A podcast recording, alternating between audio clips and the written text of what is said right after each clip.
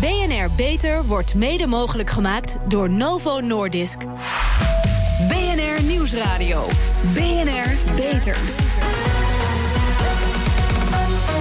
Harmke Pijpers. De snelle ontwikkelingen rond de uitwisseling van data in de zorg vragen extra aandacht van de cybersecurity specialisten. De technologie om alle informatie aan elkaar te knopen en uit te wisselen is voorhanden, maar de basisinfrastructuur is vaak nog niet up-to-date. Welkom bij BNR Beter, het programma voor mensen die werken aan gezondheid. Mijn gasten vandaag: Robert van Wijk, directeur Farmet Visie en bestuurslid van OI Zorg, de branchevereniging voor softwareleveranciers. Paula van der Knaap, cybersecurity consultant bij KBMP en Jaco van Duivenboorde, senior adviseur bij eHealth. Bij Nictis, senior adviseur e-health bij Nictis. Zo is het. Ja, meneer Van Duivenbode, ik begin ook met u. Nictis ondersteunt bedrijven en overheden op het gebied van ICT en software-implementatie. En in 2020 kan iedereen zijn medisch dossier online inzien. Althans, dat is de bedoeling. Gaan we dat halen? Zijn de instellingen er uh, inmiddels klaar voor? Um, als we niks, uh, niks doen, dan uh, gaan we dat niet halen. maar gelukkig gebeurt er op dit moment al heel veel.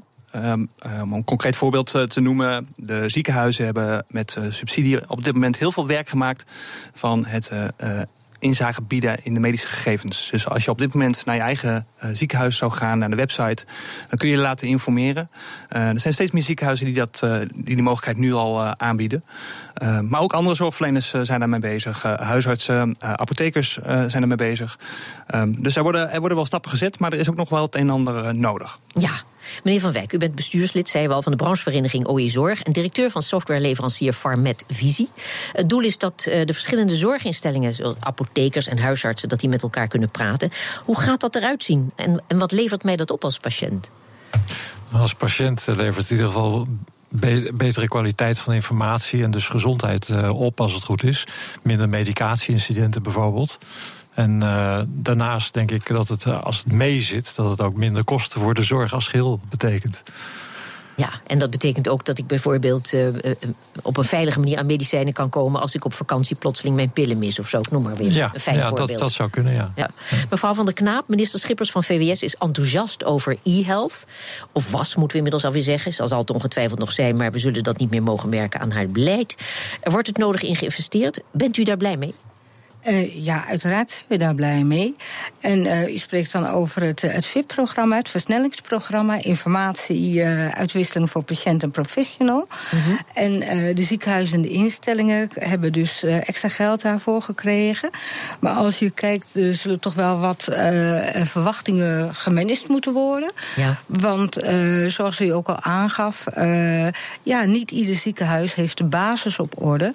Dus als je bezig wil gaan met een versnellingsprogramma, zal je dus eerst de basis op orde moeten gaan brengen. Ja, dus uh, u zegt als we de, er zullen verwachtingen gemanaged moeten worden, dan. Uh, constateert u in feite dat men een beetje te hard loopt? Uh, nee, men loopt juist niet te hard. Men moet vooral doorgaan. En ik zou eigenlijk eerder uh, pleiten voor uh, nog meer investeringen. En uh, eigenlijk een soort twee-stromen-beleid. Het gewone investering en daarnaast de, het versnellingsprogramma handhaven. En dat eventueel nog verder uitbreiden. Ja, want ik wou zeggen, het is ook wel eens anders geweest hè, wat dat betreft. dat de overheid nog niet zo'n tempo maakte, meneer Van Duivenbode. Klopt. Um, als we nog even teruggaan in de tijd, in 2011 uit mijn hoofd, uh, ja. was het plan om uh, één landelijk. Uh, landelijke omgeving, één landelijk schakelpunt te hebben waarmee medische gegevens ontsloten konden worden. daar was wet en regelgeving voorbereid. maar daar heeft de Senaat uh, de Eerste Kamer destijds uh, unaniem uh, nee tegen gezegd. en op dat moment ja, was, was het ministerie van VWS niet langer meer um, in control en moest, moest minister Schippers dat dossier loslaten. Ja. maar dat betekent niet dat um, het veld de verantwoordelijkheid niet heeft genomen. Men, men, heeft de handen ineengeslagen en gezegd van er, zul, er zal op een degelijke manier gegevensuitwisseling in de zorg plaats moeten vinden. Mm -hmm. um, um, en het landelijk schakelpunt heeft een soort doorstart gemaakt. En uh, via die route worden al heel veel gegevens uitgewisseld. Ja. los daarvan heeft in mijn optiek het ministerie van VWS nog steeds een hele duidelijke verantwoordelijkheid voor goede informatieουitwisseling in de zorg. Maar ja, niet meer als regisseur, maar als, uh, ja, als Ja, want ik wou zeggen, is dat dan toch niet een gemiste kans geweest? Want dat landelijk schakelpunt, daar, daar bent u blij mee, ongetwijfeld. En het zal misschien heel goed functioneren. Maar ik heb de indruk dat af en toe wat meer uh, regie van de overheid op dit punt, om al die verschillende belangen op één lijn te krijgen, dat dat uh, misschien hier en daar wel behoorlijk gemist wordt. Ja, dat, dat, het gekke is, in Nederland lopen, uh, zijn we wat dat betreft van een golfbeweging. Op het moment ja. dat uh, de overheid heel nadrukkelijk de regie neemt op ICT-ontwikkelingen, um, ja, dan, dan vliegt dat bijna automatisch uit de bocht. En dan zegt men van nee, uh, dat moet je aan het veld overlaten. Nou, dan laten we het een tijdje aan het veld over. En hè, daar ontstaan hele mooie dingen. Landelijk schakelpunt is daar een voorbeeld van, ja. maar ook andere uh, voorbeelden. Maar dan toch, na een tijd, komt de roep, omdat het een overstijgend belang is van ja. de patiënt en hè, van de maatschappij. Um, dan komt toch die roep weer om regie weer naar, uh, naar boven. Ja. En daar, daar zullen we altijd een beetje tussen laveren. Tussen wat, wat centrale regie en sturing zoals we in het buitenland wel, uh, wel mm -hmm. zien. En ja, wat meer marktwerking, zoals ja. we uh, hier ook zien. Meneer Van Wijk, heeft u ook behoefte aan veel centrale regie of vindt u het wel goed zo? Nee, ik denk dat het wel belangrijk is dat, uh, dat, er vanuit, dat de zorg, die gaat ons allemaal aan. Dus dat er standaarden worden gezet, dat vind ik echt heel belangrijk. En ik denk dat daar uh, zeker, uh, zoals Nick, vanuit Nick dus, de, de, standaarden voor worden gezet, dat dat echt ja. heel belangrijk is. ik denk ook dat als zeg maar, de overheid niet het initiatief had, ooit had genomen tot het landelijk schakelpunt, dan had je je kunnen afvragen of dat wel vanzelf uit het veld was ge gebeurd. Ja. Het is wel zo dat, dat de ICT-leveranciers tot vanaf 2004 ben ik bij betrokken geweest tot 2011 zeven jaar dus geïnvesteerd hebben uit vrije wil, zonder dat er echt een business case was. Dus die ICT-leveranciers zijn daar ook vanuit een visie dus op, op standaardisering wel echt in meegegaan. En daar heeft, denk ik, die doorstart ook enorm van geprofiteerd. Mevrouw van de Knaap, laten we eens kijken van hoe, hoe de boel er nu bij ligt, uh, ordinair gezegd. Want ik heb begrepen uit een onderzoek van Deloitte dat meer dan de helft van de ziekenhuizen nog gebruik maakt van de door de fabriek aangeleverde standaard wachtwoorden om apparatuur te beveiligen. Ja, dat, ja, verbaast u dat of wist u dat al? Nou, dat, dat is uh, in principe is dat wel algemeen bekend bij ICT'ers. Helaas, uh, ja, bij de zorginstellingen en de zorgverleners daar moet echt een, een bewustzijnwording plaatsvinden. Op, als je kijkt naar de ICT-verleners voor de zorg, maar niet alleen bij hen. Dat, je ziet dat toch ook wel meer bij ICT'ers dat sommige dingen uit gemak gemakzucht dat wordt gedaan. Men realiseert zich dan nog niet direct de gevolgen. En ja, de, het bewustzijn zal ook binnen de zorg aan de ICT-kant ja, meer moeten worden opgepakt. Ja. Zodat dat in ieder geval ook verandert. En um, ja, de, kijk, er is natuurlijk ook een tijd lang uh, minder uh, budget uh, vrijgekomen voor IT. En heeft men met weinig middelen heel veel moeten kunnen verrichten. Ja. En ja, dan krijg je toch bepaalde dingen die niet wenselijk zijn. Ja, meneer Van Duivenbode, de, de instellingen werken aan hun beveiliging... maar die patiënt hè, die vanuit zijn huis op zijn oude computer inlogt... en gegevens deelt of inziet, is dat niet een potentieel datalek? Uh, overal waar mensen uh, werken, uh, heb je potentiële datalekken. Dus dat is niet uniek voor de patiënt of voor de burger of ja. voor een arts. Um, maar, maar ja, je moet als ziekenhuis, je kunt niet zien of die, of die uh, patiënt zijn beveiligingssysteem up-to-date heeft. Klopt. Dus je moet er maar vertrouwen in hebben dat. Klopt, klopt. Nee, nu, nu we eindelijk zover zijn in Nederland en ook wereldwijd, dat, dat de patiënt uh, een volwaardig speler wordt mm -hmm. hè, en ook digitaal uh, mee gaat spelen, ja. dan moet je ervoor zorgen dat die patiënt ook goed toegerust is. Maar, maar is dat dan niet een gedeelde verantwoordelijkheid? Ik bedoel, moet je niet eisen stellen aan die patiënt? Moet je niet eisen bijvoorbeeld dat hij zijn verouderde systeem gaat updaten? Um, ja, ik denk dat je mag verwachten dat patiënten, um, nou, ik, noem het liever burgers, uh, steeds beter toegerust zijn om mee te doen in dat soort uh, uh, digitaal zaken doen. En ik trek de parallel maar even met de bankenwereld. Daar is het al heel lang zo dat de bank met zijn internetbankieroplossingen in feite ook eisen stelt aan wat een patiënt wel of wat een burger wel of niet kan gaan gebruiken. Ja. Um, daar moeten we nog wel stappen in zetten. Hè, want we, op dit moment werken we met een, een vaak met een DigiD om toegang te krijgen tot ja. gegevens. Nou, voor de zorg voldoet DigiD niet altijd en zullen we uh, naar een andere middel moeten. Nou, dat is een voorbeeld van het, uh, het uh, versterken van de patiënt en de burger in zijn, in zijn nou ja, digitale business. Ja. meneer Van Wijk, u zei ooit heeft u ooit gezegd dat de belangrijkste uitdaging standaardisatie is van communicatie tussen zorgsystemen. Een adequate en werkbare privacybescherming en informatiebeveiliging. Ja, hoe gaan al die concurrerende bedrijven met elkaar praten? Want er moet ook winst gemaakt worden. Of is dat heel ordinair? Nou, ik denk dat heel veel, eh, in ieder geval de ICT-bedrijven in de zorg, uh, ICT-leveranciers in de zorg, dat die heel goed begrijpen dat ze vaak een deel maar van de oplossing zijn. Dus dat mhm. uiteindelijk het samenwerken noodzakelijk is om gewoon voor de uiteindelijke burgers in Nederland gewoon goede zorg te kunnen leveren. En door de informatisering van de maatschappij kun je niet anders dan daar dus op samenwerken.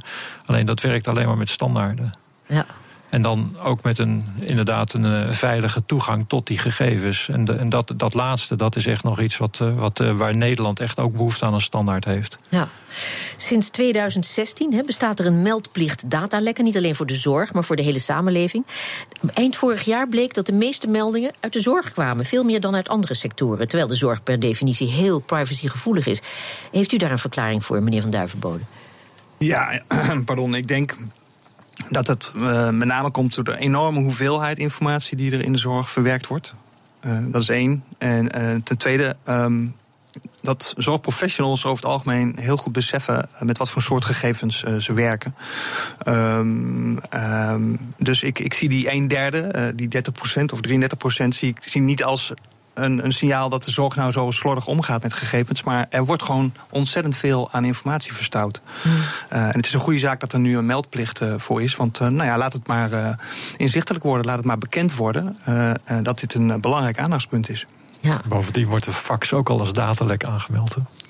Oh ja? En de printer. Die is nog in gebruik, hè? Ja, die is nog wel in gebruik. Ja. ja.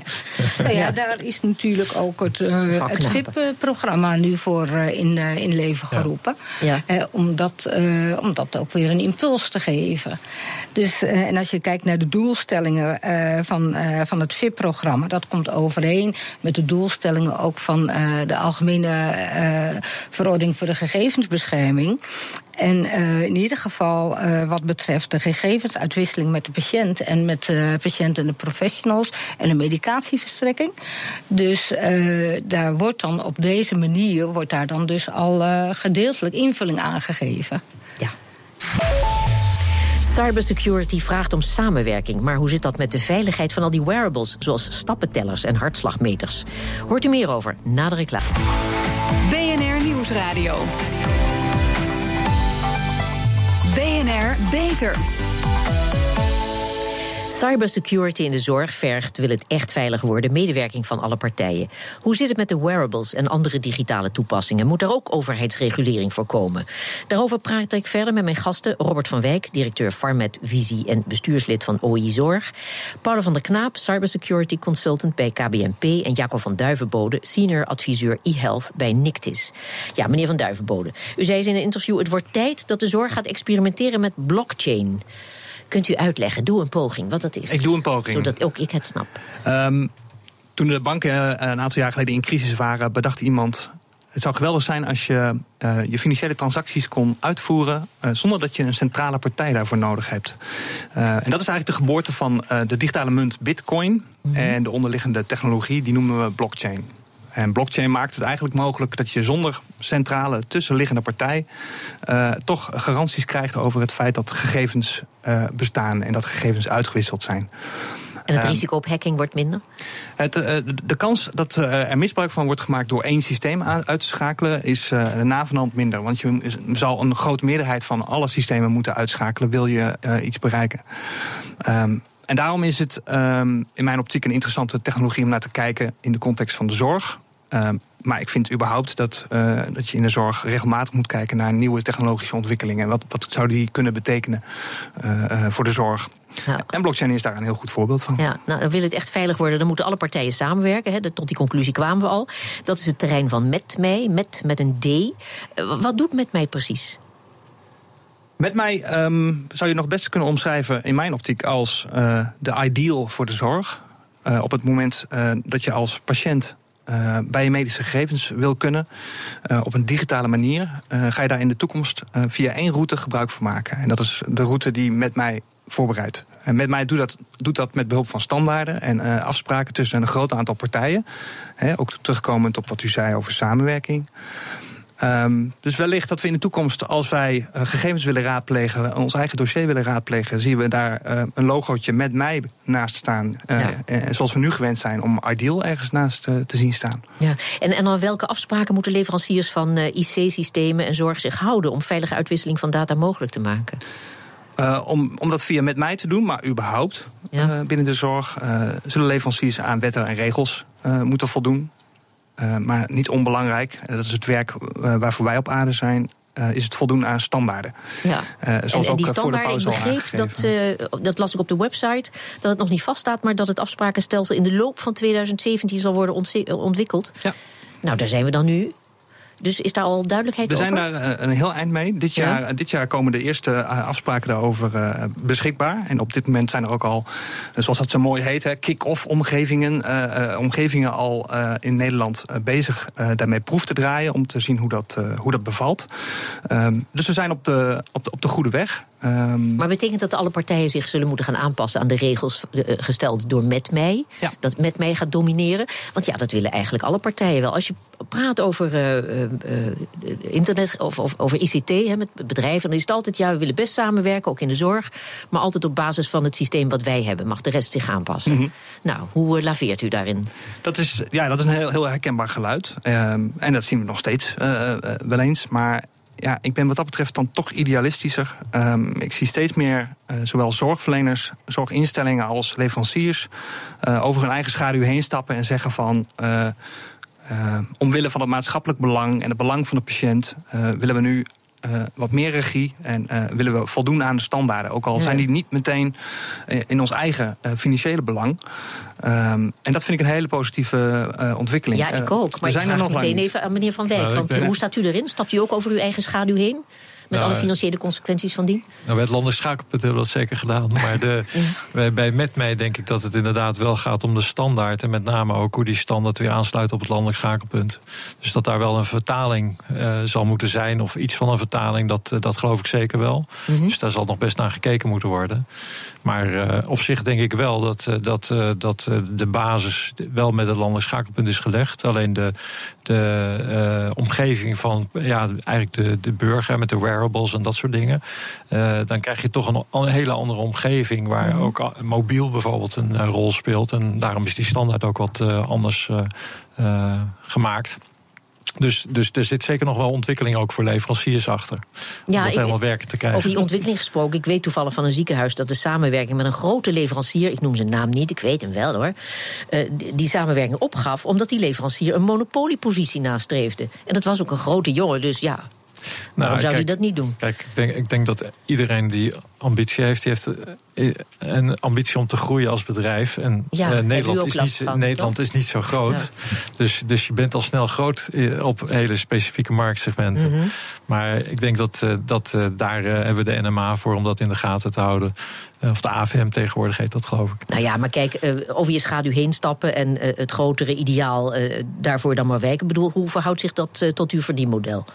Nee, ik, ik denk dat, dat, dat op zich de financierbaarheid van, van ICT-oplossingen, dat is, blijft altijd een vraagstuk. Ook bij Met mij is dat Aha. gewoon een vraagstuk. Van wat, wat ga, moet de burger daar zelf voor gaan betalen als hij een persoonlijk gezondheidsomgeving uh, wil hebben, waar hij al zijn data in kan laden? Dat, dat is wel een, een serieuze vraag. En als, als je als overheid een standaard stelt, bedoel, hoe, hoe verhoudt zich dat tot de individuele keuze van burgers? Dus, dus daar, daar, daar moet je wel over nadenken. Ja, mevrouw van der Knaap? Nou, kijk, uh, standaarden is uh, op zich uh, makkelijker te beveiligen. Hè? Als je allemaal op een gegeven ogenblik je richt op een bepaalde standaard. Dat maakt het voor ICT qua beveiliging wat makkelijker. Okay. En ik denk, kijk, we zijn in Nederland, zijn we met, als je kijkt naar het aantal ziekenhuizen wat naar uh, diverse visies is overgebleven, dat we ons goed moeten realiseren van goh, wat gaan we allemaal optuigen. Dus en wat zijn daar de kosten van? Ja. Dus ja, uiteindelijk is het ons te doen om een goede, veilige gezondheidszorg. Hm. En om dat ook betaalbaar te maken en vooral ook te houden, denk ik dat standaarden sowieso een, een goede uitkomst is. Ja. Dat we daar gewoon ook best met elkaar wel over kunnen praten. Ja. ook, daar, ook daar geldt voor dat je ook een bepaalde schaalgrootte nodig hebt, ook als leverancier, om daarin mee te kunnen doen. En uh, dus de monopolieposities zullen niet goed zijn, hè, want concurrentie is natuurlijk wenselijk. Maar op zich een bepaalde schaalgrootte is wel weer belangrijk om het ook allemaal te kunnen doen. Want die eisen die worden alleen maar hoger. En misschien mag ik nog aanvullen dat, dat, dat onder andere als je als software of als applicatie echt een medisch hulpmiddel bent. Ja. En dan word je al geacht om een CE-keurmerk bijvoorbeeld te voeren. Ja, precies. Ja. Dat, um, dus Want over dat keurmerk, eh, keurmerk gesproken, die, die eh, e-health eh, toepassing, mevrouw van den Knaap, die schiet als paddenstoelen uit de grond. Wil dat enige waarde toevoegen, dan zal er toch een, een keurmerk moeten komen. Maar dat hangt dus af. Of gaat, bent u het eens met meneer hier naast mij dat het uh, inderdaad gewoon afhangt van de functie van die wearable? Sowieso ook inderdaad van de functie van die wearable. Uh, kijk, er zijn uh, ook uh, bepaalde standaarden wat, betreft, wat betreft beveiligingen in de gezondheidszorg. je hebt de NEN-normen, die ziekenhuizen en zorginstellingen moeten voeren wat betreft beveiliging. ISO. Dus, ja, en de ISO-normen. Dus ja, wat dat betreft zijn er al maatregelen waar uiteindelijk ook een standaarden, waar ziekenhuizen en zorginstellingen aan moeten voldoen. Dus uh, ja, niet alles uh, is zomaar, uh, ja, hoe moet ik het zeggen, toepasbaar. Nee. Dus wat, wij, daar... wat wij heel sterk merken in, in ons werk is dat we regelmatig vragen krijgen. Gewoon puur, vertel ons nou wat, het staat met de kwaliteit van die specifieke e-health toepassing of die wearable of die app. En geeft u daar dan antwoord op? Nee, want op dit moment hebben we dat gewoon niet. Dus op dit moment uh, zijn er natuurlijk wel wetten en regels. Uh, maar waar men vooral benieuwd naar is, voegt die specifieke app of toepassing, voegt die nou echt iets toe? Kan ik met uh, dat bandje wat om mijn pols zit, of met uh, apparaten die kun je tegenwoordig overal indouwen, kan ik daar nou werkelijk uh, uh, gezonder van worden? Word ik daar echt beter van? Uh, nou, op dit moment hebben we daar gewoon nog te weinig informatie over. En op, op, het moment dat apparaten de potentie hebben om als, als medisch hulpmiddel ehm, te fungeren, ja, dan, dan wordt de wetgeving, de regelgeving strenger. En dat is ook alleen maar een heel groot goed. Ja. ja. Zeg, cybercrime, hè, daar komen we nooit vanaf. Dat is duidelijk, want die uh, vernieuwt, verjongt, voortdurend. Maar wanneer zal cybersecurity ook achter de private computer een ingeburgerd begrip en een goede gewoonte zijn? Ja, dat heeft toch alles te maken met de bewustwording en ja. uh, bewustzijn. En dat is niet alleen uh, voor de burger, maar ook uh, als je kijkt, 70 tot 80 procent van de attacks komen door menselijk handelen. Dus ja, ja daar moeten we wel zorgen dat we daar goed op inspringen. En meneer Van Wijk? Ja, ik denk dat eigenlijk dat vandaag alweer uh, bij heeft bijgedragen met het nieuws van de postcode Dat we het nodig hebben dat er heel goed bewustzijn is. Ja, ja, ja. En meneer Van Duivenbode? Um, ik ga toch uh, een voorspelling uh, doen. Ik, verwacht dat in 2025 we net zo ver zijn met medische gegevens raadplegen als met telebankieren. dus dat, tegen die tijd kun je echt spreken van de wat meer volwassen patiënten achter de knoppen. Oké, dan komen we bij je terug. Uh, voorlopig zijn we er nog niet over uitgepraat, maar voor deze aflevering dan wel. Hartelijk dank, Paul van der Knaap, Robert van Wijk en Jacob van Duivenbode. Spierpijn na het sporten, is dat wel goed voor je spieren? Of kun je beter een paar dagen wachten? Of is het beter om de volgende dag weer te gaan sporten? Ja, wat een vraag. Onze verslaggever Harmer van Veen zocht het uit voor Feit of Fabel. Is spierpijn na het sporten slecht voor je spieren? Nee, dat is een fabel. Spierpijn betekent, je spieren hebben heel erg hard gewerkt. Iets te hard eigenlijk. Je hebt ze laten schrikken en daardoor zijn ze beschadigd geraakt. Spierpijn is wel een signaal om naar te luisteren. Zegt Guido Vroemen, sportarts, medisch adviescentrum Midden-Nederland. Eigenlijk zegt het lichaam dan, nou dit was al zoveel, je moet nu even wat rustiger aandoen. Het slimme daarvan is dat het lichaam dan, als je het slim aanpakt de trainingen, wordt je weer beter. En als je dat op een juiste manier traint, kun je steeds sterker worden. En is dat niet nu juist de bedoeling? Ja, toch? Maar hoe lang moet je rusten? Nou ja, je hoeft niet te wachten steeds als je getraind hebt. Ik heb spierpijn en denk, ja, na vijf dagen is het nou wel weg, nou kan ik wel weer trainen. Dat hoeft niet. Het is ook niet slecht om met uh, een beetje spierpijn door te gaan trainen. En om sneller spierpijn kwijt te raken is een actief herstel ook beter. Gelukkig maar, want dat op de bank zitten, daarvan gaan je spieren natuurlijk verweken. En lekker chillen in de sauna, vlak na het sporten. Daar is toch niks mis mee, of wel? Nee, dat kan zeker geen kwaad. Nee, nee, nee. Je gaat niet elke keer als je spierpijn hebt naar de sauna. Maar dus, als je dat uh, als herstelbevordering wilt doen, is dat prima. Nou, u hoort het gewoon lekker blijven sporten dus. Tot zover deze uitzending van BNR Beter. Op bnr.nl slash beter is deze uitzending terug te luisteren. En we zijn ook op Twitter te vinden onder BNR Lifestyle. Dus heeft u tips voor ons, laat het ons weten. Ik ben Harmke Pijpers. Tot een volgend spreekuur. BNR Beter wordt mede mogelijk gemaakt door Novo Nordisk.